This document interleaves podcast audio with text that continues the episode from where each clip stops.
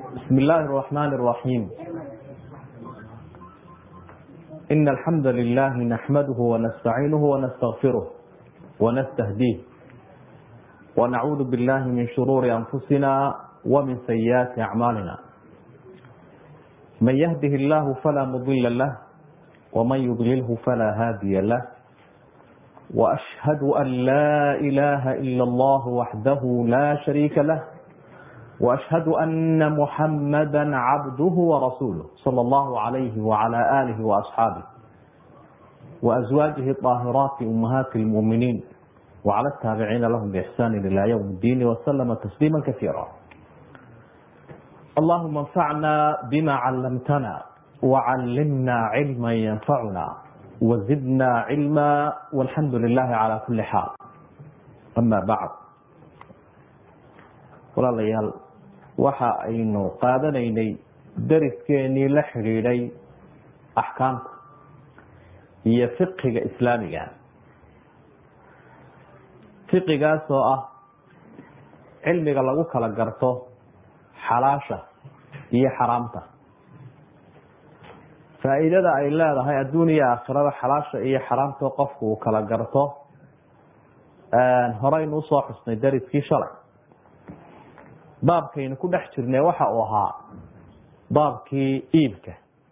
Walaa shaka soomaaliduna waxa u badan weliba markay gudaha joogto ay ku howlan tahay waa iibka. Oo dadka intooda faraha badani halka ay u dhaqaaqaan ilaa islaanta yare tamaandhada iibinaysana ha ahaatee. Waa baac mushtariga. Kaa weyn laga soo bilaabo ilaa qofka alaabta yar kaaliyoonaha ku sida maadaama meelo kale oo loo shaqo taga aanay jirin waa tijaaradda marka cilmiga tijaaradda oo ah albayc washira in axkaamtiisa la bartaa waajib bay kugu noqonaysa shay kasta oo aada dhex gelayso inaad cilmigiisa yeelataa waa laga maarmaan. Muhimadda macnaha cilmigani uu leeyahy fiqigan islaamiga sida had iyo jeer adduunyada marka qofka shaqo loo qaadanayo su'aasha u horreeya la weydiiyaa waa maxay? Muxuu aqoon leeyahay baa la qofkan shaqadiisu si ay u hagaagto ama aanu u qaadano shahaadadeebuu sitaa. Maxaase khibrad uu leeyahay? Camalkan inteebuu ka soo shaqeeyey baa la macnaha waxaa la doonayaa jawdat lcamal shaqadii inay hagaagtaabaa la doonaya marka su'aashaa la isweydiinayo maxaad umalaynaysaa markaa tii diintana miyaynu odhan karnaa? Iyadu cilmibay ka maarmaysaa. Miyaynu odhan karnaa? Uma baahna? La. Nabigu wuxuu leeya calayhi salaatu wasalaam ina allaha yuxibu axadakum idaa camila camala an yutqinahu wadadii midkiin ilaahay wuu jeclaadaa. Marka uu camal sameeyo inuu camalkaa qurxiyo oo uu ku xaragoodo. Macnaha camalkaasi ama ha ahaado camal adduunyo ama ha ahaado camal aakhiro marka camalkaad qabanayso camal wanaagsano qurux badan waa inu yahay waxaanu ku qurux badan karaa inu sharciga ilaahay waafaqo. Waaya shalayta waxaynu ku jirnay iibka. Iyo qofku islaamku inuu siiyo ikhtiyaar. Ikhtiyaarkaasi waa dhowr baynu soo nidhi laba kamida baynu soo qaadanay khiyaarka la xidhiidha xagga fadhiga. Intaanay labada qof kala tegin. Iyo ikhtiyaarkii la xidhiidha xagga shardiga. Oo ahaa inuu qofku shardi dhigtu idhaahdo muddada intaa leeg inaan shaygii iska soo eegaan ka soo bogto ikhtiyaar baanu leeyahay. Khiyaarka saddexaad waxa wey khiyaar lgab waa qofkii oo la suldaaro ama la khiyaameeyo. Si kale haddaynu dhigno. Nin baa nabiga calayhi salaatu wasalaam waxa uu ku yihi had iyo jeer marka aan wax iibsanayen cid wax ka iibsanayo waa la idagaa wuxunbaa si iga iga noqda ilan dadku had iyo jeer maskaxdooda isku mid maahe way kala baraarugsan yihiin. Qofna aada buu u firfircoon yahay oo waxa uu garanayaa waxa lagu suldaarayo ama lagaga faa'idaysanayo waxa kale. Qofna wakti dambuu soo baraarugaa. Marka ninkani wuxuu leeya waxa dhacda had iyo jeer dadku inay iga faa'idaystaanuno si unbaa wax la iigu dabarogaayo qabni baa igu dhacaa. Ninkaas runtiisu iska sheegay waxba ismuu xariifinine waxa uu yihi had iyo jeer suldaaradaas way gu dhacdaa bui mar alla markaanu dadka wax kala iibsanayno waa layla helaa maxaan sameeya markaa nebigu calayhi salaatu wasalaam erey buu u laqimayo dabcan. Isaga iyo noociisoo kale khusaynayo ah waxaad tidhaahdaa markaa wax kala iibsataan laa khilaabata kelmadaasunbe waroy khiyaama ma jirto. Laa khilaabata un nebigu macnaa waa afeef ama afeef hore lahaw ama adkaysin dambe baa layihi waa afeefunbuu dhiganaya marka waxa laa khilaabata un adigu dheh imikaba khiyaama ma jirto. Siday u yidhaahdaan had iyo jeer dadku qalad marjuuc waar wixii khalada waa la soo celinaya ogaada ereygaasu nebigu. Sidaa markuu qofku idhaahdo waxna kasi noqdaan xaq buu leeyahy markaa wixii uu ilduufay loo celiyo. Waaya khiyaarka labaad waxa wey khiyaaru tadliis baa la idhaha tadliisku waa qarinta.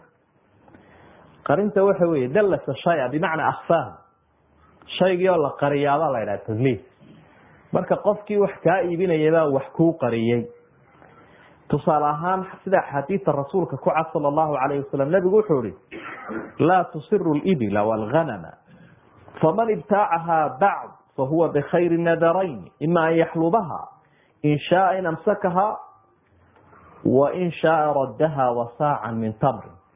Wargeela iyo ariga markaa iibinaysaan ama neefka xoolaha ah kolkaa iibinaysaan wuxuu nabigu leeyahy calayhi salaatu wasalaam ha soo dararinina dararinta ma taqaana macnaha ha soo gaaxinina. Gaaxda. Dabaan dee waxba lasiiman baa jiro gaaxda ma garanaynin gaaxdu waxa wey neefkiio halkii caawa laga lisi lahaa ayaa la daynaya. Berita halkii laga lisi lahaana waa la daynaya.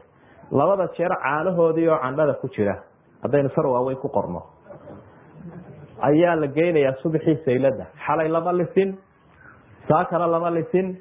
Macnaheedu waa maxay? De waanu aada u dararsan yahay oo u candho wen yahay oo caano badan ay ka muuqanayaan sayladii baa la soo joojinayaa neefka noocaa candhadiisu ay tahay caanaha badan ee ay ka muuqdaan. Iyo dee ka candhadiisu ay yar tahay wax la lise u eg. Ma isku lacag bay noqonayaan qofka doonaya neef irmaan maya wuu suuq gelinaya wuxuu leeya de caanihiisu waa ku ah lis haddaad doonayso adiga ciyaalkaagaba u idin dharginaya marka sidaa ha samaynina bu haddaba hadduu qafarsamadaa xun sameeyo oo dadkii uu ku kediyo oo macnaha u qariyo wax oo neefkii sidaa lagu liso saa uu ku iibsado dabeedna caawa siaado lis dee caawa dabcan sidii noqon maayo wuxuu arkay neefkii wax yar dhiiqaya ama ay cano yar leh. Subaxdiina uu tijaabiyo isagoo yar bu arkay caanihiisu yar yihiin marka xaq wuxuu u leeyahay maxay? Inuu celiyo oo qofkii lahaa uu ku celiyo. Bikhayri nadarayn wuxuu raacinayaa markaa ila caanuu ka cabay soomahayn caanuu dheefsaday intii uu ka lisay. Saac timira laba kiilooyo timira. Waa wax uu islaamku qadaray weeye. Laba kiilooyo timira ayuu raacinaya ama laba kiilooyo raashina. Oo u dhigma caanihii uu ka intifaacsaday wuxuu leeyay kabitaankiina waa kaasoo wixii aan ka maalay kuu kabay. Dee neefkaagiina waa kaa ilaa adiga khaladka keenay. Khalad marjuuc. Taasi waa taa hadduu doonayana oo ay cajabisay oo ay ku fillaatay intan uu ka maalay dee iska haysto.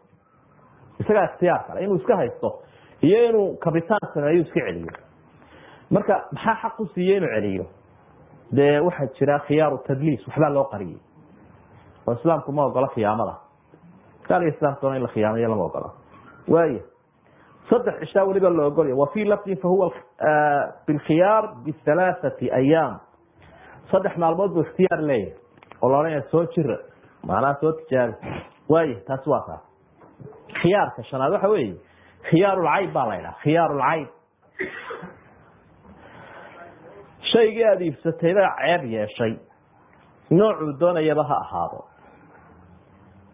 Mar haddii ceebtaasi ay timi xaq waxa lagugu leeyahay in aada celiso.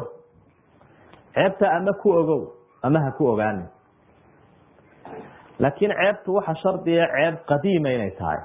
Qadiim maa maxay? Ceeb hore dee dabcan.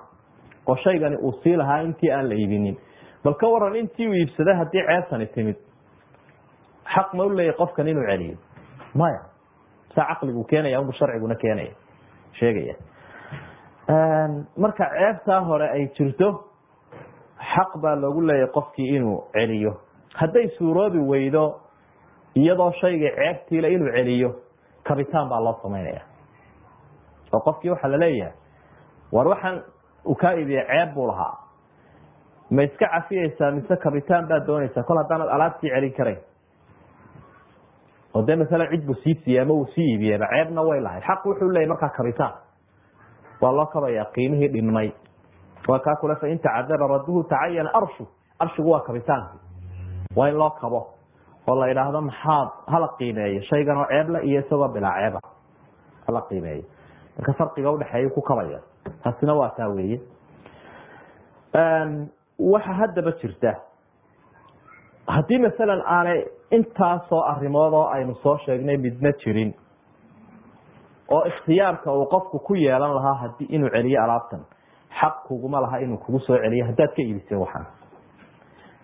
Hadduu doono inuu kugu soo celiyo isagoo gar u lahayn islaamkeenu sutida uun ma ma laha qabo oo macnaha difaacun gal ma laha waxaa sunno ah inaad ka celiso. Qofkani waxbuu kaa iibsaday wuxuu ku war iga celi. Dee maxaan kaaga celiyaa sababa? Sababi ma jirto. Wax sababahoo yaallaa ma jiro. Waxa markaa lagu faraya oo mustaxaba oo sunno ah inaad ka celiso qofkii adiga oo walaalkaa u naxariisanaya. Cadaalad buu kugu leeyahay markay ceebi jirto inaad ka celiso.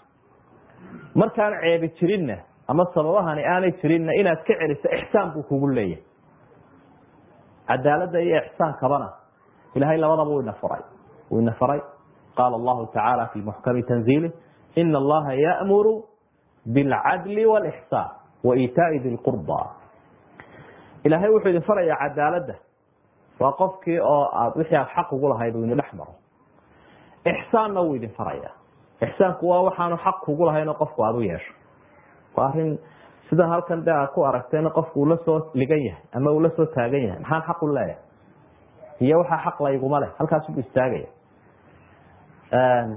Si dadka macaankooda ay u dhadhabiyaan oo quluubtooda ay isugu xidhanto islaamku ixsaankaasuu dhiiriyaa. Sidaa darteed buu nabigu yihi calayhi salaatu wasalaam ina allaha kataba alixsaana fi kuli shay. Wax walba ilaahay waxa uu ku qoray oo uu ku sugay dhexdiisa in laysugu samafalo. Waayo taasina waa taa weeye. Taasi waa iibkii iyo shuruudaha uu lahaa iyo arkaantiisii iyo aadaabtiisii iyo khiyaarkii uu lahaa. Iibku haddaba waa laba qaybood. Arrin aada u muhiima inaad ogaato. Baycu lacyaan wa baycu diman beec waxa la kala iibsanaya uu yahay wax muuqda oo la arkayo oo waxa lagu iibsanaya uu yahay aragti. Iyo baycu dhima oo ah waxa la kala iibsanaya waa shay la tilmaamay oo la sifeeyey oo waxa lagu kala iibsanaya uu sife yahay. Labada siyoodba sharcigu ogolayay masalan miiskan haddii aad iga iibsanayso aragti baad ku iibsanaysa baycul acyaan baa la idhaha caynta ishaad ku haysa. Waad iska eegeysaa xaaladiis oo dhan araggaasaad ku qaadanaysa adigaa dee cid ku hadlayn mayside ama wakiilkaagaa ku eegaya ama adaa eegaya. Kaasi waa mid. Waa wixii goobjooga. Bayca labaadna waxa weeye baycu dhima ama baycu salaf ama baycu salam. Intaaba waa la idhaahdaa waa shay aan goobta oolin. Laakiin waxa lagu kala iibsanaya waa tilmaan la tilmaamayo. Oo waxa aada leedahay masalan waar lacagtan qaad. Oo waxaad iga iibisaa neef xoolaa. Kasoo qaad neefkeeda waa qaalin noocaasa oo tilmaantaa leh oo da-daasa oo midabkeedu noocaa yahay oo hilibkeedu uu sidaa yahay waad sifaynaysaa sifo kastoo neefkan uu ku sooci karo gaariba ka soo qaad waa gaariga noocaasa kambanigaasi sameeyo modelkiisu intaa yahay saa iyo saasa wixii uu gaarigaasi gawaadhida kale kaga soocmi lahaa ayaad ku tilmaamaysa laakiin maxaa jira lacagtii baad qadimaysa ood sii dhiibaysa lacagtii ayaad dhiibaysa isagana maxaa xaq loogu leeyay inuu shaygii keeno? Marka waa in la cayimaa waxan la kala iibsanayo waa in la cayimaa muddada. Waa in la cayimaa meesha lagu kala qaadanayo. Eeg waxaa la ilaalinayaa murankii. Goor dhowta iibkaasi goormuu sugmaya? Wuxuu sugmayaa markuu kuu keeno shaygii oo tilmaantii leh. Waktigiina uu ku keeno. Meeshii aad ku ballanteenna u keeno. Markaa iibkii xaq baa lagugu leeyahay inaad shaygii qaadato haddii shuruudihii laga waayo ka war. Oo wixii aada sifaysay sifadii laga waayo. Dee xaq baa lagu leeyahay inuu kii raadiyo. Marka iibku waa labadaa halkaa waxaa kaaga muuqday laba siyood oo iibka ka mid ah. Oo mar lacagtii si la kala iibsanayba way yaallaan marna meesha waxa yaalla un lacagtii. Lacagtii baa taalla. Oo maxaa la iska sugayaa? Shaygii la kala iibsaday sidaa cagsigeeduna wuu jiri karaayo waxaad jiri karta inaad shayga iibsato oo lacagta lagugu yeesho. Inaad gaariga masalan amaahato oo lacagta lagugu yeesho. Waxaan jiri karaynin oonu sharcigu ogolayn labada oo meesha ka maqan. Taasi waa iska dee saalaxwaatayn iyo dhugdhugun baa la isula yimi af madan.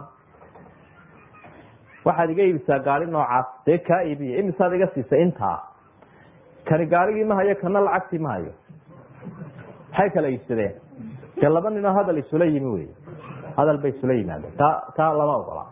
Waa inu ama shaygu yaalaa la kala iibsanaya ama lacagtu taallaa waa inaan labada ama shayga la amaahdaa ama lacagta la amaahdaa laakiin labadaba aanay meesha ka bixin. Dee wax la taaban karo xaqiiqaa baa la doonaya. Rasuul maxamed sal allahu alayhi wasalam wuxuu tegey madiina iyadoo reer madiina ay lacag sii qadintaan sii dhiibtaan nimankii beeraley dhahaa xagga iyo suuriya iyo urdun iyo meelaha sham ohan jiray ku noolaayo beeraley ahaa ayay u dhiiban jireen raashinka iyo saliidda. Kolkaasay odhan jireen lacagtaa qaada oo intaasoo saliida ama intaasoo raashina noo keena. Lix bilood kadib ama sanad kadib marka idiin soo go'do markaa nabigu calayhi salaatu wasalaam arintii muu diidin laakiin wuu tasxiixiyey ama wuu taswiiriyey ama aan ilaahna uu toosiyey un kolkaa wuxuu nabigu yihi calayhi salaatu wasalaam man aslafa fi shay falyuslif fi kaylin macluumin wa wasnin macluumin ila ajalin macluum. Xadiidkaas oo saxiixo bukhaari iyo muslimba ku sugan. Waardadii o kale lacag sii dhiibanaya ee doonaya in alaab loo keeno waxa uu dhiibanayo galaankiisu ha cayinaado miisaankiisuna ha cayinaado waktigiisuna ha cayinaado ma la fahmay intaa waxa aada dhiibanaysaa inta galaan uu yahay ha cadaato inta inta kiilo yahay ha muuqato. Waktiguna ha muuqdo. Ogabe waktigu waa waxyaabaha keena muranka haddaan waktiga la cayinin sow isqabsi ma iman karo. Toban kintaalo hadhuuran kaa doonaya inaad ii keento. Waktigii lama sheegin. Kani wuxuu leeyahay sanad kadib baan kuu keenaya kanina wuxuu odhanaya saddex bilood kadib baan u baahnaa. Waba la isqabsadayba isqabsigaasaa la diidaya. Waktigu ha cayinaado shayguna ha cayinaado miisaankiisuna ha cayinaado bu nabigu le alayhi salaatu wasalaam marka iibka noocaasa waxaa la idhaahdaa iibka maxaanku dhahdaa salamka. Salam baa loo yaqaana baycu salam. Waa bayca lacagta la sii horumariyo. Waxaa imika kamida cuquudda loo yaqaano caqdulistisnaac casrigeena caqdulistisnaac waa adigoo kambanigii lacag u dhiibta si uu shay kugu soo sameeyo shayga tiradiisa iyo tayadiisa ayaad labadaba cayimanaysa iyo wixii uu maaragtay qiimo u yeelaya wixii waxyaabaha kale kaga soocmayo dabeedna wuxuu kule waan kuu soo samaynaya waxa. Furaashyaan kuu soo samaynaya kabaan kuu soo samaynaya had jeer waxyaabahan maaragtay caqdulistisnaac baa laydhaha tadlubu sunca inuu kuu soo sameeyaabaa doonaysa isna taasuu aqbalaya.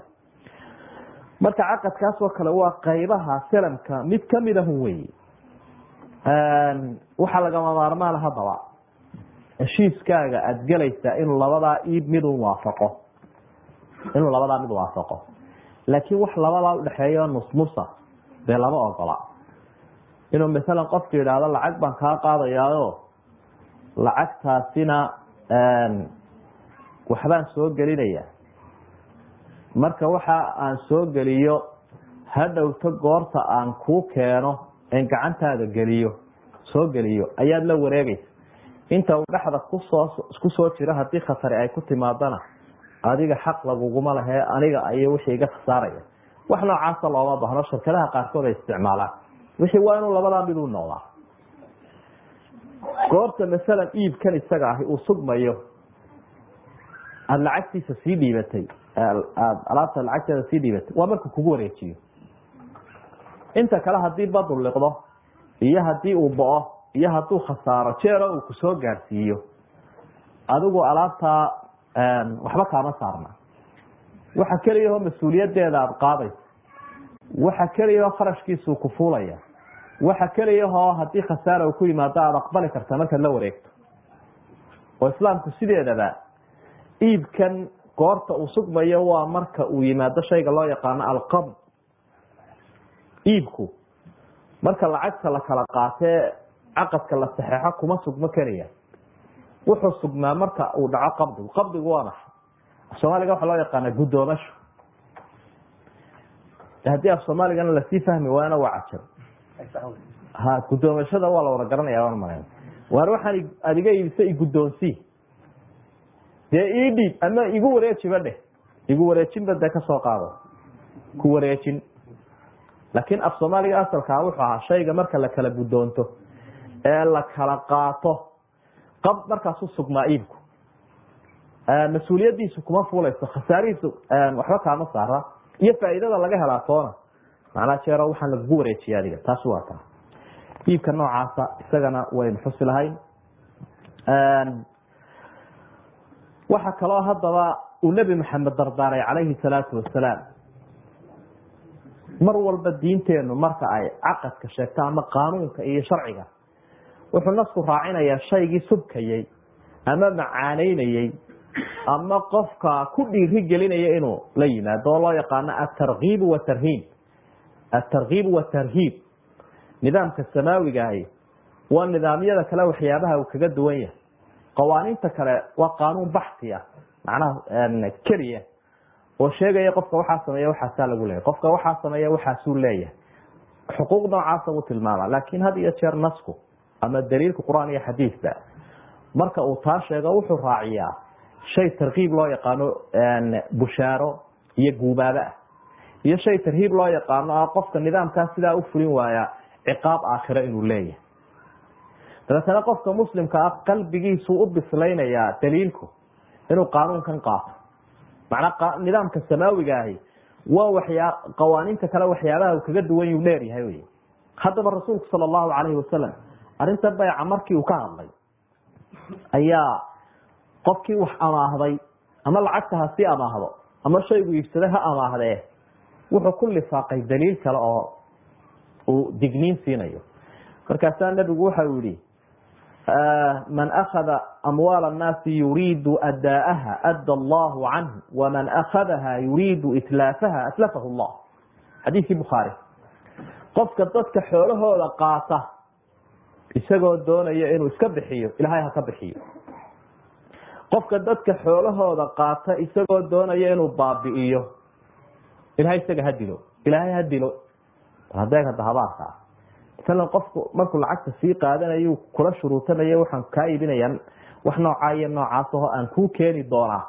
Niyadiisa waxa ku jirtay kan maantu kuusoo gala ka faaide hebel maantu kuusoo gala ka faa'iideyso in badan baad la-ayde qalbigiisaba saasaa ku jirta. Ilaahay kawa ka siiya buu leya nabigu calayhi salaatu wasalaam ilahay isaga ha dilo.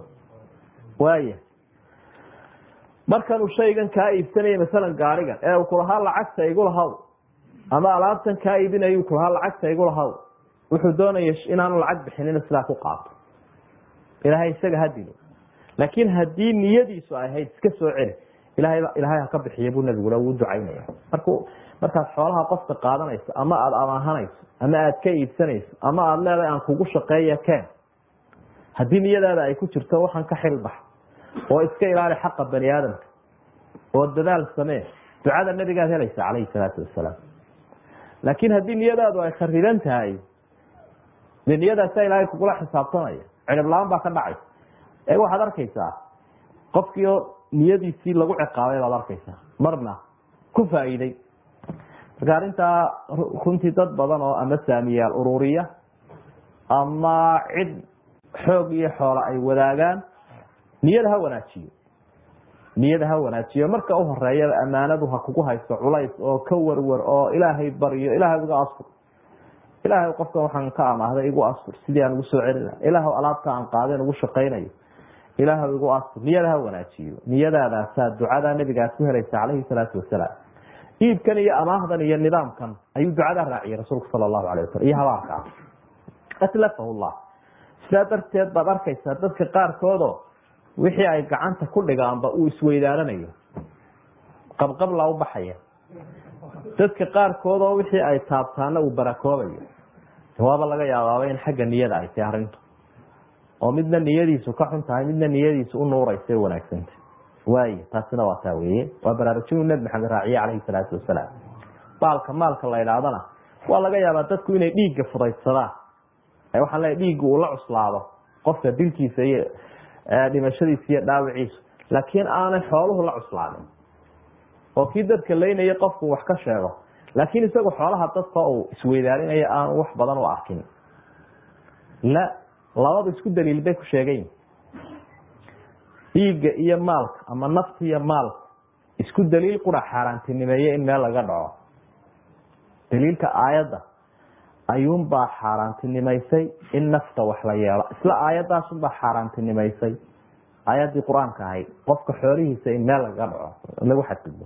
Walaa taakuluu amwaalakum baynakum bilbail xoolaha dhexdiina gardaraha ku kala cunina. Siduu ilaahay ba ui walaa taqtuluu anfusakum ina allaha kaana bikum raxiima waa aayadii aayadu nabiguna calayhi salaatu wasalaam dardaarankii u dambeeyey maalintii ummadda sagootay ee xajatulwadaac nafta iyo maalka iyo sharafta isku siban buu usheegay marka haddii qofka aada aada uga naxayso dhiiggiisa maalkiisana aada uga naxay. Waa baraarujin wey inaad meel kaga dhacdo ama aad si yar intood isaga qaadato ama uu kugu baxo marka uu ku weydiiyana aad giir iska kiciso oo tidaahdo war wuxuma walo waxlaba miyaanad weligaaba dadka wax ku lahaanin war iska samiro baashu waa adduunya nagu lahaw waa dhibkeeday leedahay runtii. Intaa markaynu ka soo gudubno islaamkeenu isagoo tixgelinaya qofka xaqa uu leeyahay.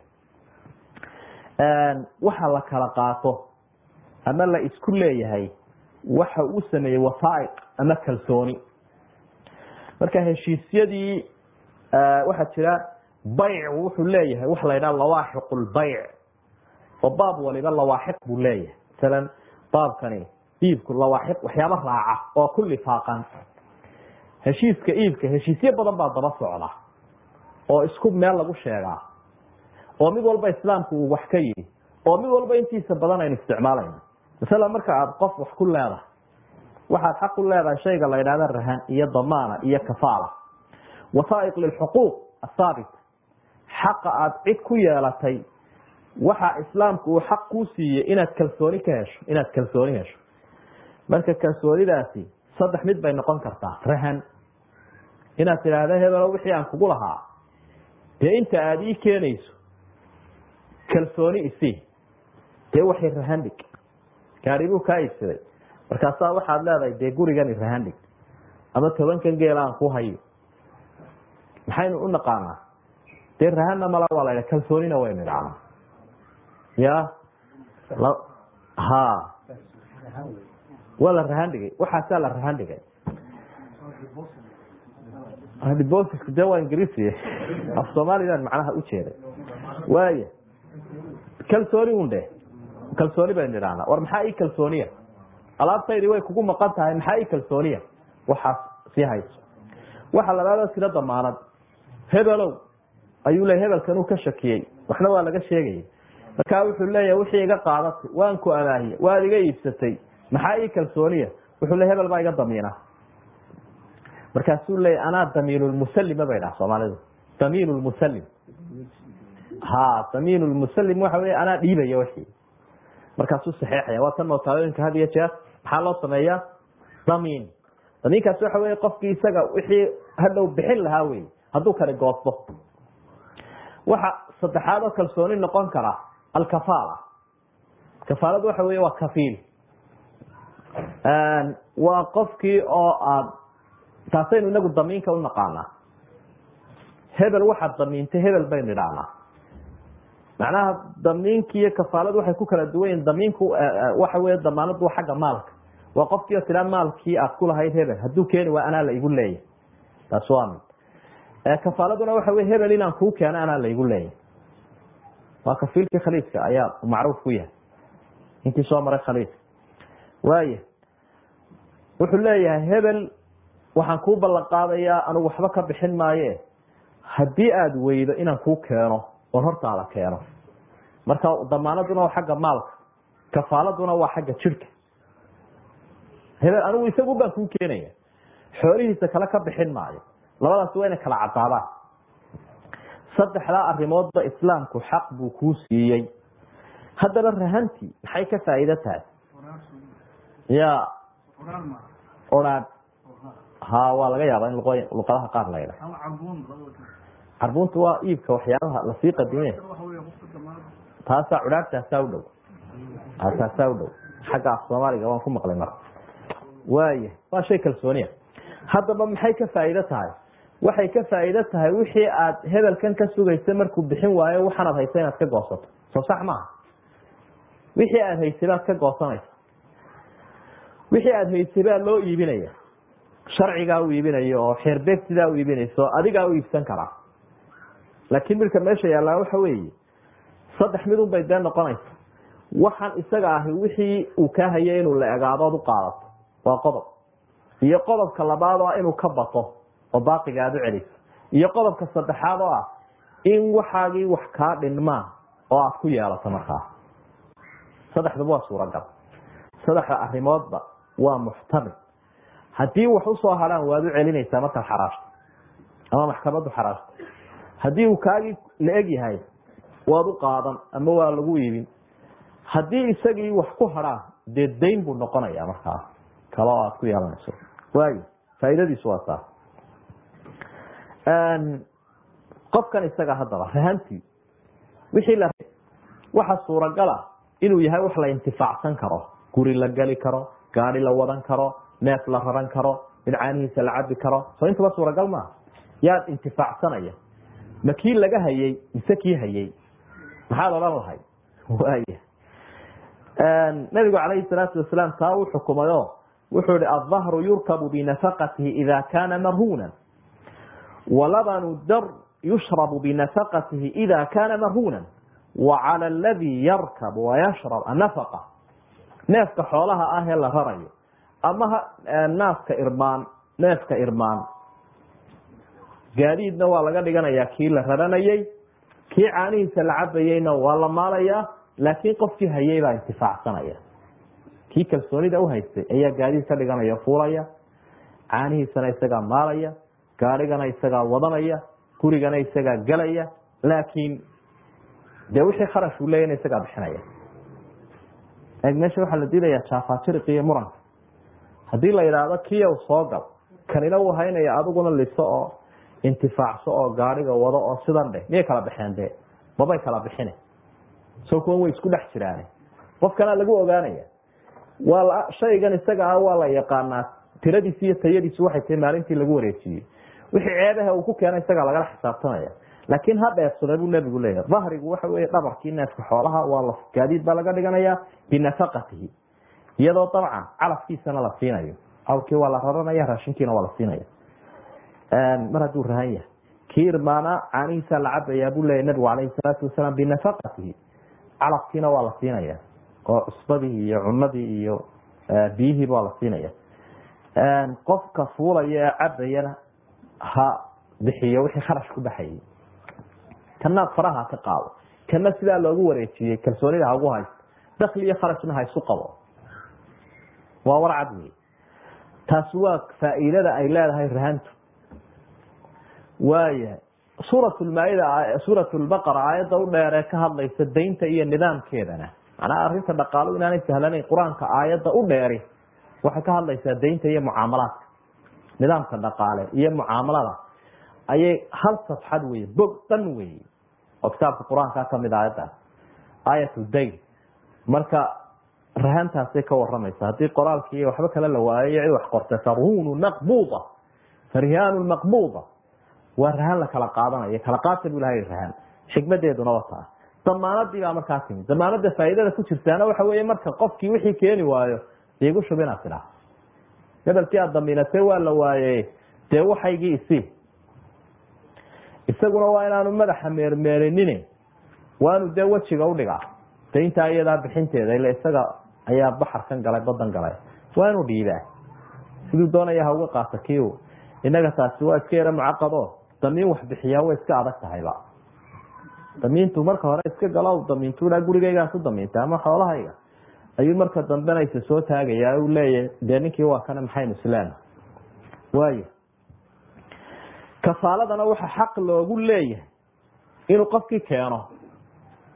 Nabigu calayhi salaatu wasalaam wuxuu leeyahay azaciimu haarin azaciimu haarin qofka isaga ahee kafiilka ahi waa magdhabaya an yaltazima biixdaari badani lkhas azaciimu haarin fakulu minhuma damin ilaa in qaama bima ltazama bihi aw abra'ahu saaxibu lxaq aw baria alasiil marka sheekhu waxa uu doortayba in kii jirhkiisa ballan qaaday iyo kii kale labaduba ay ballan qaadayaan. Marka macnada waxa wey de qofkii aad tiri waan keenaya haddaad keeni weyda isagii la waayo dee adaa bixinaya?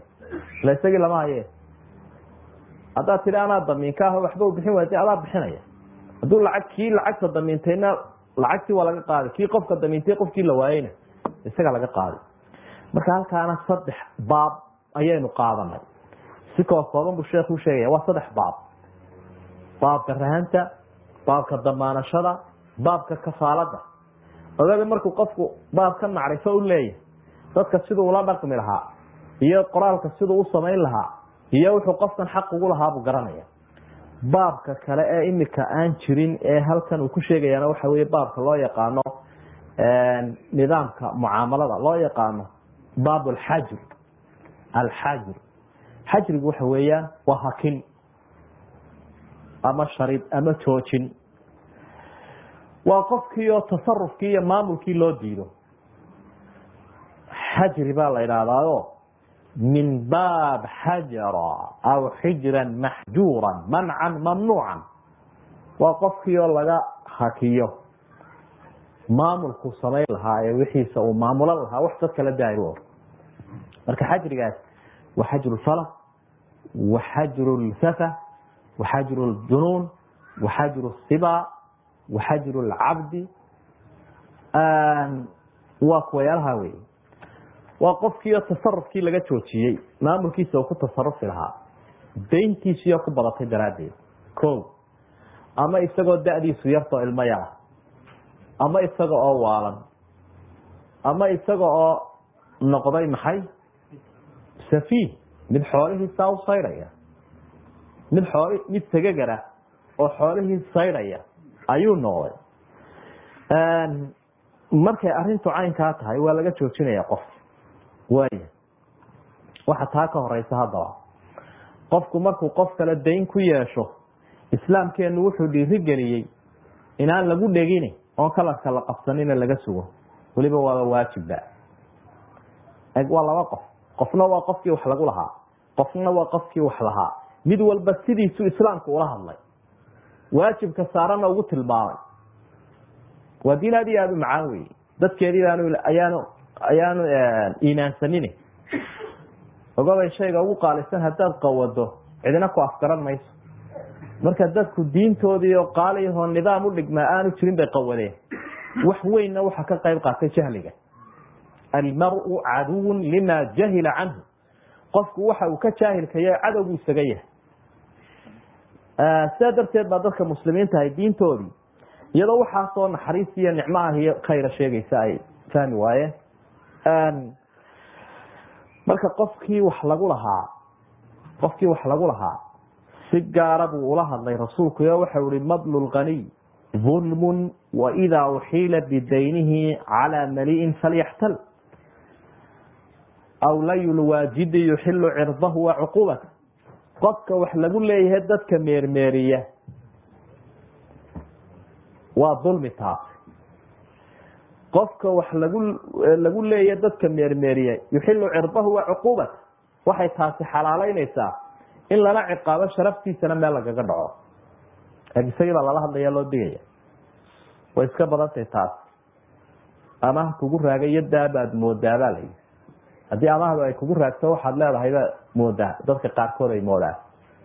Marka taa ha moodine. Mar haddii aad wixii iska bixin karaysa ku dhaqso meesha dayntu way khatar badanta qofku muminka ahi darajadiisa ma gaadho inta dayn lagu leeyahay. Qofka shahiidkaa wax walba waa laga dhaafayaa buu nabigu uri calayhi salaatu wasalaam daynta mooyaane. Daynta bay u khatar badanta waa dayntana aragteene loo laydin xambaarinayo. Qof kastoo meesha jooga kii daar dhisanaya kii gurile kii gaari kaxaysanaya kii wax baranaya laleeyahy dayn qaad ee loogu tusayo qofku haddii aan dayn lagu lahayn inuu yahayba qof aan la aamini karayn daynba laguguma laha macneedu waa inaan lagu aamini karayn. Dadka ayaa waan dariiqo dadka lagaga adkaado lagu adoonsado wey baasha daynta marka qofku intuu ka maarmi karo baasha ah inuu aada iyo aada uga fogaado wey marka haddaba qofkii daynta lagu lahaa saasuu la hadlay nebigu. Haddaad dadka waxooda sii weydo adoo kari karaya daalin baataybu kuleeyahy in lagu ciqaabiyo in lagu caayana xaqa lagugu leeyahy kaasi waa kaa qofkii haddaba isagu wax lagu lahaa kaasi kii wax lagu lahaabuu ahaa ee bixin karayay kii aan bixin karayninna halaga sugo weye weliba waa waajib. Ilahay baa wuxu uhi wain kaana duu cusratin fanadiratun ilaa maysara. Qof wax lagu leeyahay oo faramarani hadduu jiro ha laga sugo ilaa intuu xelayo fanadiratun ilaa maysara waa faral wey inaad ka saamaxdaana waa sunne. Inaad ku lahaataana waa faral. Laakiin saamaxaadaasoo sunnaabaa ka fadli badan faralka. Waa meelaha sunnuhu ka fadli badan yahay faralka. Waaya taasi waa taa weeye labadii qofba saasaa loola hadlay. Kii daynta lahaa iyo kii lagu lahaa. Mid walba waajibkiisii markuu garanaya kanina daynta wuu la dhaqsanaya inuu iska bixiyo. Kanina ciddii aan waxba haynin ku dhegi maayo. Ilan meel maran ma waxba kama qaada bay dhaha soomaalidu waa isla rafaadaysaa qofkii haddii waxba aanu haynin ood ku dhegto. Waaya maligana waxaa looga jeedaa waa qofka qaadirka ah ee wixii bixin karaya ee iska dhiibi karaya. Waaya haddaba waxa dhacday marka masalan qofkii dayn lagu yeesho dayntiisaasi ay ka badato wixii xoole uu hayay. Waxaa loo yaqaanaa waa muflis. Ama mucsir waa caydh soo maaha ama waa dabadiir qofkaa isaga ah. Ama waa barlaawe. Midkaa doonto dhaho muflis baa loo yaqaana af carabiga way ku dhacda muflisnimadaasina. Qofku haddaanu si xun u daymoobin inuu eedaysano yahay oo uu ceeb leeyahay sheegi mayso. Dayntaadoo badataa sheegi mayso. Inaad tahay dee qof ceebaysa. Waayo dayntu qofka si xaqana wuu daymoobi karaa. Darallaa loo qaamoobaye si qaladana wuu daymoobi karaa. Markuu eedaysanahayay waa si qalada markuu u daymoobo. Asxaabiga la odhan jiray jaabir ibnu cabdillaahi deyn baa lagu yeesho. Dayntiisibaa ka badatay xoolihiisa waa kii ka joojiyey nebigu. Dadka xoolahoodaynu ugu magdhabaynaa intana haysee jooji buui wax dambe ha tasarufi waa tan oo kale. Asxaabta qaarkood deeqsiyaal bay ahaan iyo selafka markaasaa qofka wax weydiistaba waxbay iska siin jireen. Siday u siinayeen u bay daymoobeen oo qofkaa isaga ahay uu dayn isu baxay iyo fuqahadii qaarkood. Waaya marka haddaba muflis waxaa lagu tilmaamaya kolkay dayntiisiiyo isla egaadaan maalkiisu ama dayntiisibaaba ka badatay maalkiisa maxkamaddu way joojinaysa waxaa laleeyahy saacaddaa laga bilaabo anta maxjuurun calayh tasarufkaagii waa la hakiyey. Waxaana dadkii lahaabaa loo qaybinayaa wax dambe kuma tasarufi karti sii iibin iyo soo iibin. Midna ma jiro halkaasaa lagu hakinaya haddii waxa wax kuli qof keliya uu yahay dee kaasumaa la siin. Hadday dad badan yihiinna intoo la soo ururiyo ayaa inaga waxaa loo yaqaanaa wuu kacay baa la yidha hebeen fadhiguu ka kacay maaha. Laakiin wuu caydhoobay wey waa luqada casriga wuu kacay. Haddii la idhaahdo macnaheed waxa weeyaan dayntiibaa ku badatay dayntiisibaa badatay waaya waxa soo ururaya daynlayaashi waxaa markaa loo dhigayaa xaraash ama inay kala qaataan wixii meeshan yaalay sidee u kala qaadanayaan? Haddii kani boqol kun ku leeyo kani konton ku leeyo kani soddon ku leeyo kani labaatan ku leeyahay miyaynu u kala jabinaa si isleeg maya sida caqligu keenaya umu sharciguna keenayaa nisba almiawiya ama bersantka. Dee see u badnaayeen? Inay kana u badsanayaan. Bersantkaasubaa boqoley baa lagu qaybinayaa o dee siday laba qofka ugu daynta badnaa ayuunbaa ugu badsanaya xoolahana inuu maaragtay qaato. Hal mar baa laakiin taasi aanay jiraynin dadkii qofkani wax ka soo qaatay mid ka mid a ayaa oo daylayaasha ka mid a baa wixiisii meesha yaallaan bacadlama ka soo qaad bacad ninkii bacadlaha uu kacay daynlayaashiibaa soo ururay. Laakiin daynlayaasha mid ka mid a baa wixiisii meesha yaallaan kabihiisiiba halkan ka sii muuqda. Markaa sharcigu waxa uu leeyahay man adraka maalahu cinda rajuli qad aflasa fahuwa axaqu bihi min gayrihi. Xadiidkaa saxiixa buu ku yihi qofka wax ku yeesha qof caydhoobay wixii uu ku lahaana uu sii muuqdo ha qaato wixiisa. Soomaalidu waxay idhahdaan xayga iyo nin kale araggaa ka dhexeeya. Xaygu waa maalka. Maal iyo nin kale aragunbaa ka dhexeeya maalkaagii haddaad ku aragto tuug xaday ama mid iibsaday ama midaad ku lahayd aragunbaa idinka dhexeeya waad qaadan uun. Berigii hore mala maxkamadii waxu kala qaadaama jirin ku dhagun bay hede laakin dee waxaad mari doontaa wadadii lagaaga qaadi lahaa. Marka taasi waa gaar. Haddii laakiin qofna wixiisii aanay sii muuqanin qofna wixiisii ma sii muuqdaan waa alaab kale oo dad kale uu ka soo iibsaday baa meesha taala dee haloo qaybiyo saasuu nabiguna sameeyey calayhi salaatu wasalaam maaragtay fiqigeena islaamigaana macruuf ku ah muslimkuna ku kala baxaa. Waa xaraashkii maxkamadda la xaraashayo qofka hantigiisa intoo laga hakiyo. Lama iibin karo saas kale la odhan jiro kaa waxaa la idhaahdaa muflis inkastuu nabigu tilmaamay calayhi salaatu wasalaam maalin uu asxaabta wacdiyayey oo uu isugu xidhay adduunyada iyo aakhirada ayaa wuxuu yihi man ilmuflisu fiikum. War asxaabtiyay qofkeebaa cayd u taqaanaa. Mufliskeebaa u taqaanaa. Waxay idhahdeen man laa dirhama lahu walaa dinaar waxaan u naqaanaa qofkaan shilin iyo gini toona haynin. Arkaa muflis lama yidhahda mufliskaa lama yidhaah cayd lama yidhaahdee? Dee si dhib yar baa uu uheli karaa wax? Qof baa ugoyn kara oo kaalaa lagu siin karaayo waa la faacili karaayo. Muflisku waxa weeye qofka ifkan ka tegey isagoo camal badan soon iyo salaad iyo sadaqa iyo khayr badan wata. Akownkiisa uu buuxo. Ayuu qiyaamahaysa soo taagay. Dabeedna wuxuu ahaa un qof qalqaalaya oo xagga sharka ku kakabu ahaa ku kadeedan markii maxkamadii ilaahay la furay waxaa bilaabantay un dad badan inay kuyuu soo galeen isa soo tubeen. Qatala haada waakhada maala haada wasafaka dama haada washatama haada kan wuu dilay kan wuu dakray kan xoolihiisiibuu dhacay kan wuu caayay kan sharaftiisiibu meel kaga dhacay. Dee dadkuna maalintaa yaan qabsadaan buu qofku leeyahay. Subxaana allah ilahay baynu ka magangalna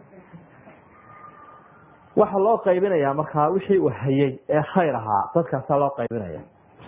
Haddii ay ku filaato ha haddii weli wax lagu leeyahay dembigoodii intoo la soo guro ayaa dusha laga saaraya marka qofkii isaga ahaa kaasaa caydh la yidhaahdaa buui ka halkan ku caydhoobe noocan loo haysta ee gashiilayaashii ku soo urureen kana caydh maaha. Janis buu haystaa. Tol buu heli karaa dawlad buu heli karaa qaar u gurmadu heli karaa. Laakiin maalintaa waa isuna ciirsato. Ilaah kuwii caydhooba haynaga dhigin maalintaa. Tacliiqaasuu saaray nabigu jahayntaasuu jaheeyey calayhi salaatu wasalaam. Marka taasina waxay tahay isku xidh uu isku xidhaya adduunkii aakhirada. Iyo diyaargarowga dambe aan ka gudubno. Xajriga baabka noocaas waa kaa weeye. Qaybta qofka labaadee laga hakiye tasarufka waxa weeye ilmihii yaraa. Iyo kii waalaa waa kayru mukalaf baa la isku idhahdaa kayru mukalaf haddii lagu idhaahdo fulan kayru mukalaf macneedu waa qof aan xilsaarayn hadduu sabi yahay ama waalan yahay marka waa laga joojiye tasarufka nin waalna wax ma iibin karo? Ilmaha yarina ma tasarufi karo. Jeeruu kana miyirsado jeeruu kana qaangaaro waayo nabigu wuxuu le alayhi salaatu wasalaam rufica alqalamu can halaaa can الnaa'imi xataa yastayqi wa can isabiyi xataa yaxtalim wa can ilmajnuuni xataa yufiiq. Saddex waxba lagama qoro qalinkaba waa laga daayay. Kii hurday jeeruu soo tooso. Kii waalaa jeeruu miyirsado kii sabiga ahaa jeeruu qaangaaro khiaab lwadci iyo khiaab takliif baa jira ka aan lagula xisaabtamayn waa khiaab takliif macnaa dembi ma laha laakin hadduu wax geysto mas'uuliyad uu leeya waa laga magdhabaya ama isaga maalkiisa ama ehelkiisa waaya marka qofka noocaasina waxa weeyaan tasaruf islaamku uma ogola oo asalkeedaba waxaa lagu lexe jeclaabaya maalkiisa eeg haddaad maalkiisa ku lexe jeclaabi weydaad ilaalin weydo maalkaagii maad ilaalinin qofkani markuu intiisa soo liqo ama uu soo gubo waalan ama sadig ahay. Yuu ku soo socdaa. Dee adigu maalkaagu ku soo socdaa. Sidaa darteed baa inaad u ilaaliso maalkiisa ay tahay inaad maalkaaga ilaalinayso. Bal hadda aayadan eeg. Ilahay baa wuxu uhi walaa tu'tu sufahaaa amwaalakum allatii jacala allahu lakum qiyaama. Sufahada dadka aan dhamayska ahayn macnaha dhamaystirnayn ee dhiman ama ha yaraado ama ha waalaado. Xoolihiina ha siinina. Xoolahaasoo ilaahay uu idinka dhigay kuwo ka mas'uula. Egmu odhan xoolahooda ha siinina. Aayadda latiifada ku jirta waa taa. Xoolahan la sheegaya waa xoolihiisii horta aada u haysay. Markaasaa ilaahay wuxuu yihi xoolihiina ha siinina aa u hayseen mu odhanin xoolahooda aa u hayseen ha siinina. Laakiin wuxuu yihi xoolihiina aa u hayseen iyaga ha siinina. Marka xoolahoodu waa xoolahaagii xoolahoodu waxay ilaalin u yihiin xoolahaaga. Xoolahooda markay mariyaan xoolahaaga xooloa sidaa darteed baanay suuro galaynin inaad tiraa maxaa iga galay? Waa nooc caqli gaabnaana. Qofkii waalaa iyo qofkii sabiga ahaa in la yidhaahdo wuxuu doonayo haloo yeelo. Qofkii waalaa de waa idinka arkayo. Wuxuna dee ku odhanayaan ummadaha halkana la joogtaa? Waar nooga turjumun isaga. Wuxuu doonaya aan weydiini ilmaha yari wuxuu doonaya hala weydiiyo. Dee maxaa la weydiin? Miyuu dooran karaya in loo dooro mooyaane qofkii ma dooran kara de marka in isagii la ictimaado wax loo cuskado maamulkiisa iyo tasarufkiisa iyo doorashadiisa iyo wax badan baa ku lumaya. Kaana waxaa la yidhaahdaa maxjuurun calayhi ayaa la yidhaahdaa. Sidoo kale maalkiisa wax looga dhowaan kara male islaamku waa dadka had iyo jeer uu dhiciyo xoolahooda oo berigii wakti waloo jaahiliyadu joogtada agoonta iyo dadka waalan iyo ciddii daciifa. Jaahiliyada dadka aan islaamka ku dhaqmin uma furaan ilahay baa wuxu uhi wataakuluuna turaasa aklan laman aada baa u haftaan oo u budlisaan oo u cuntaan xoolaha agoonta. Marka ilaahayna de waa ka amar ku bixiyey inaan loo dhowaan karin ilaa bilati hiya axsan dariiqad wanaagsan oo loogu dhawaado mooyaane. Waaya taasi waa taa waxaa jira isaguna xajri. Waxaynu sheegnay kii waala iyo kii yaraa iyo kii caydhoobay afar baynu sheegnay. Adoonkii halkan magu sheegin adoonkuna uu jiraa waxaa isaguna jira xajru safa safiih safiih waxa weeye qof aan maamulkiisu wanaagsanayn. Oo xoolihiisaba ha ku ahaatee ha ahaatee si xun buu isticmaalaya.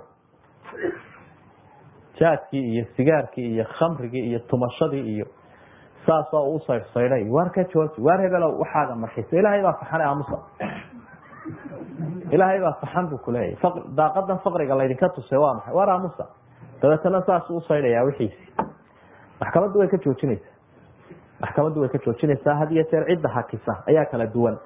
Waalidka iyo weliga xigtada iyaba ayaa qofkan waalan iyo hakinaya ilmaha yar ilaalinaya. Laakiin qofkan cayroobay iyo kan safiiha ee maalka daadaadinaya tasarufka maxkamadda ayaa joojinaysa ilan dadkii kale wuu la siman yahay. Laakiin ma baalo maxaad u malaynaysa hadday ummaddu wada safiih noqoto marka war yaa joojinaya iyaga. Hadday dadkii safaha isu baxaan sufahaa kii joojin lahaa iyo kii la joojin lahaa iyo hadday isu la wada safiih noqdaan dee ta dhibaatadali waa taa. Runtii aynu aada uga yaabsannahay waaya taasina waa taa weeye. Waxa aynu intaasii raacin lahayn. Baababka halkan ku sheega waxaa kamida baabka loo yaqaano baabu sulx ee lawaaxiqda ama waxyaabaha iibka ku lifaaqan ee meelihiisa lagu sheego. Baabu sulxi baa ka mid a asulx nabigu calayhi salaatu wasalaam wuxuu ihi asulxu jaa-izun bayna almuslimiin. Sulxu inuu dadka muslimiinta dhexdooda hirgalaa waa wax furan saxa ilaa sulxan axala xaraaman aw xarama xalaalan. Sulx shayga xaaraanta xalaaleynaya ama wax xalaal ah xaaraantinimeynaya mooyaane. Sulux sharciga ilaahay khilaafsan mooyaane suluxa sharciga ilaahay waafaqsan. Waa sax. Aayaddiina ilaahay muxuu yihi wasulxu khayrun wauxdirat ilanfusu shux nafta bani aadamka waxaa lagu soo ururiyey bakhaylnime waxyaabaha ka dabcin kara waxaa kamida suluxa suluxu waa khayr. Siduu sharcigu iyo cadaaladuba ay u tahay ay sharci u tahay. Marka sharcigeenu wuxuu ogol yahay marka garsoor dad la kala saarayo laba midu imaa in sulux lagu kala saaro wa imaa in sharci lagu kala saaro. Sulxu nebiguna wuu sameeyey calayhi salaatu wasalaam laba asxaabi baa masaajidka dhexdiisa isku qabsaday. Lexejecladu waa khamri ba idhahdaa soomaalida waa dhimdiil ku dhegaysa had jeer qofka lexejecladu marka saxaabi baa kacbibnu malik iyo nin kale ahaan dayn bay isku lahaayeen. Waar dayntiisii buui waar wax iga daa buui wallahi inaanan waxba kaa daynaynina dhig buui waa masaajidka dhexdiisa. Waay ila asxaabba ha ahaadeene haddana dee wixii ilaahay uu ku abuuray iyo lexejecladii waa jiraan. Xaq baan u leeyahay qofki. Daaqaduu nebigu ka maqlo gurigiisaa ku xigay. Waar waa kee buu i ka ku dhaaranaya inaan waxba daynayn. Waa aniga buui rasuulkii ilaahayow. Waar ka daa buui saasuu macnaha yihi kala bar ka daa waar adiguna si kaco ugu dhaqsa imika baaqiga. Adiguna kala bar ka daa adiguna baaqiga jilib caro wey jilib caro waxaa loo yaqaanaa soomaaliga waxa aan halkaa lagala kacayn. Inta jilibkii aad meesha caradii aad fadhiisatay aanad ka tumin waa inaad ku shubtaa. Aan adiguna ku dhaqsay bui aanadna ka daa. Macnaha qofkii intoo laga amaahdo intoo wixii uu bardaayo inuu haddana wakti kale ku sii qaato ma aha si uu u oo waxaan shidayaa uga haran waa in loogu shubaa. Gar buu qaadin nebigu calayhi salaatu wasalaam laakiin waa sulux. Marka dad isqabsadaan waar walaalow adiguna bar ka daa. Waar adiguna dee inta kale ugu dhaqso. Waar iminka u baadi doon. Waar si waa sulux. Saa darteed baa garsoorka horteeda marka la yimaado ay habboon tahay garsooruhu intaanu dacwadda dhegaysanin inuu idhaahdo war maydin iscafi war maydin iska heshiin? War maydin dhexdhexaadina war maydin wax isu dayn? War maydin wax kale ku bedelan hadduu khiyaarkaa u soo bandhigo oo ay ku qancaan waa xiisada yaraynaysa. Oo gar cadaawatan ay u yaqaanaan soomaalidu in loo qaado muduciyo madaacala iyo milada iyo markhaati la mariyo.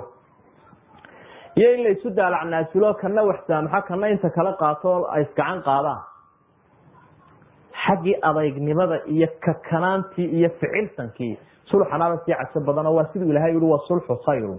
Ilan khayr waa ismu tafsiil shay shay ka fadli badan baa loo isticmaalaa. Isagaaba cadaalada ka sii fiicanba qofku inuu xaqiisa ku mitido inuu ka suluxtamo oo uu tanaasul sameeyo waxdaayaaba ka sii khayr badanba waayo wuxuu ilahay ku sababeeyey wa uxdirat ilanfusu shux naftii bani aadamka bakhaylnima iskaga badan. Marka bakhaylnimadiibuu dabcinayaa sulx laakiin sidaa rasuulku uu ku sheegay sal allahu alayhi wasalam sulxa waa inaanu kitaabka iyo sunada waxba u dhimayn innaga dadkeenu waxay sulux u yaqaanaan. Xeer soomaaliga ay samaysteen oo halkii shareecadda gelaya odayaalbaa soo ururayo koofiyadii bay soo gashanayaano waxay leeyiin war annagaa idin dhexdhexaad. Sulux baanu idiin samaynaynaa kaale. War xeerkeenu wuxuu ahaa waynu xeer isugu lahayn sidaa iyo sidaa. Weligeenba taasi xeer inooma ahayn. Xeerkaa ahaa. Sidaa maya taa xaq nooguma lihidin marka taa sulux lama yidhaahdo. Waa gartaasi waa shar sharcigii ilahay sharci kale la barbar dhigay waa tanuu nebigu ka digaya calayhi salaatu wasalaam laakiin tan dadkii laysu celcelinayo laysu macaaneynayo taasaa sulux la yidhaahdaa. Marka baabka suluxu waa sidaas weeye. Masalan haddaad qofku dayn ku leedahay saddex siyoodba waad samayn kartaa in aada wax kale ku bedelato. Saalaxahu can cayn bicayn ukra oo uu leeyahay hebela waxaan kugu lahaa masale islaamtii tusaale inagu dhowo aan inaga fogeyn aan soo qaadane waxay ku leedahay. Ama adiguba aad tidhi toban geel aad igu lahayde bal ka waran haddaynuu bedelo lacag. Markaasay tihi waa sax. Waa sulux baad samayseen de intii noocii ay ahayd bay ka bedeshay ama dollar bay kulahayde haddaynu shilin ka dhigno. Ama dahab u ahaa haddaynu dollar ka dhigno ka waran dee waa sax.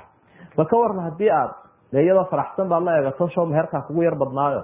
Markaasaa tihi ka waran haddaad meherkii dhaskan u samayso oo aada meherkii bariga dayso dee waa fiicantii adiguna inta kale igu dhaqso. Dee waaye waa tan. Waa sulux la ogol yahay wy waaya laa yamnacana jaarun jaarahu biayri jaarahu yagris khashabatan calaa jidaari nabigu wuxuu le alayhi salaatu wasalam war dadkiina jaarka ee guryaha isku qabsanaya qofka guriga lagu dhajinaya ayuu diidin in guriga lagu qabsado maalan qofkii kula soo jaaraya baloorka agtaada lahaa buu nabigu leeya aljaaru axaqu bishaqabi ha u diidin qofkaa kula soo jaaraya inuu kugu qabsado aqalka waaya inuu kugu qabsado aqalka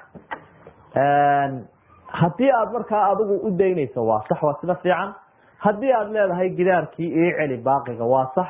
Laakiin ha u diidin xaq buu kugu leeya haddii aada u diiddo baloorkiibuu bar ka kacaya jazaakum allahu khayran. Dhowr baab baynu qaadanay. Oo haddii aad dib u mid walba waxunaad ka yaro fahamtay marka tilmaantiisana haata waa mahadsantihin wasalaamu calaykum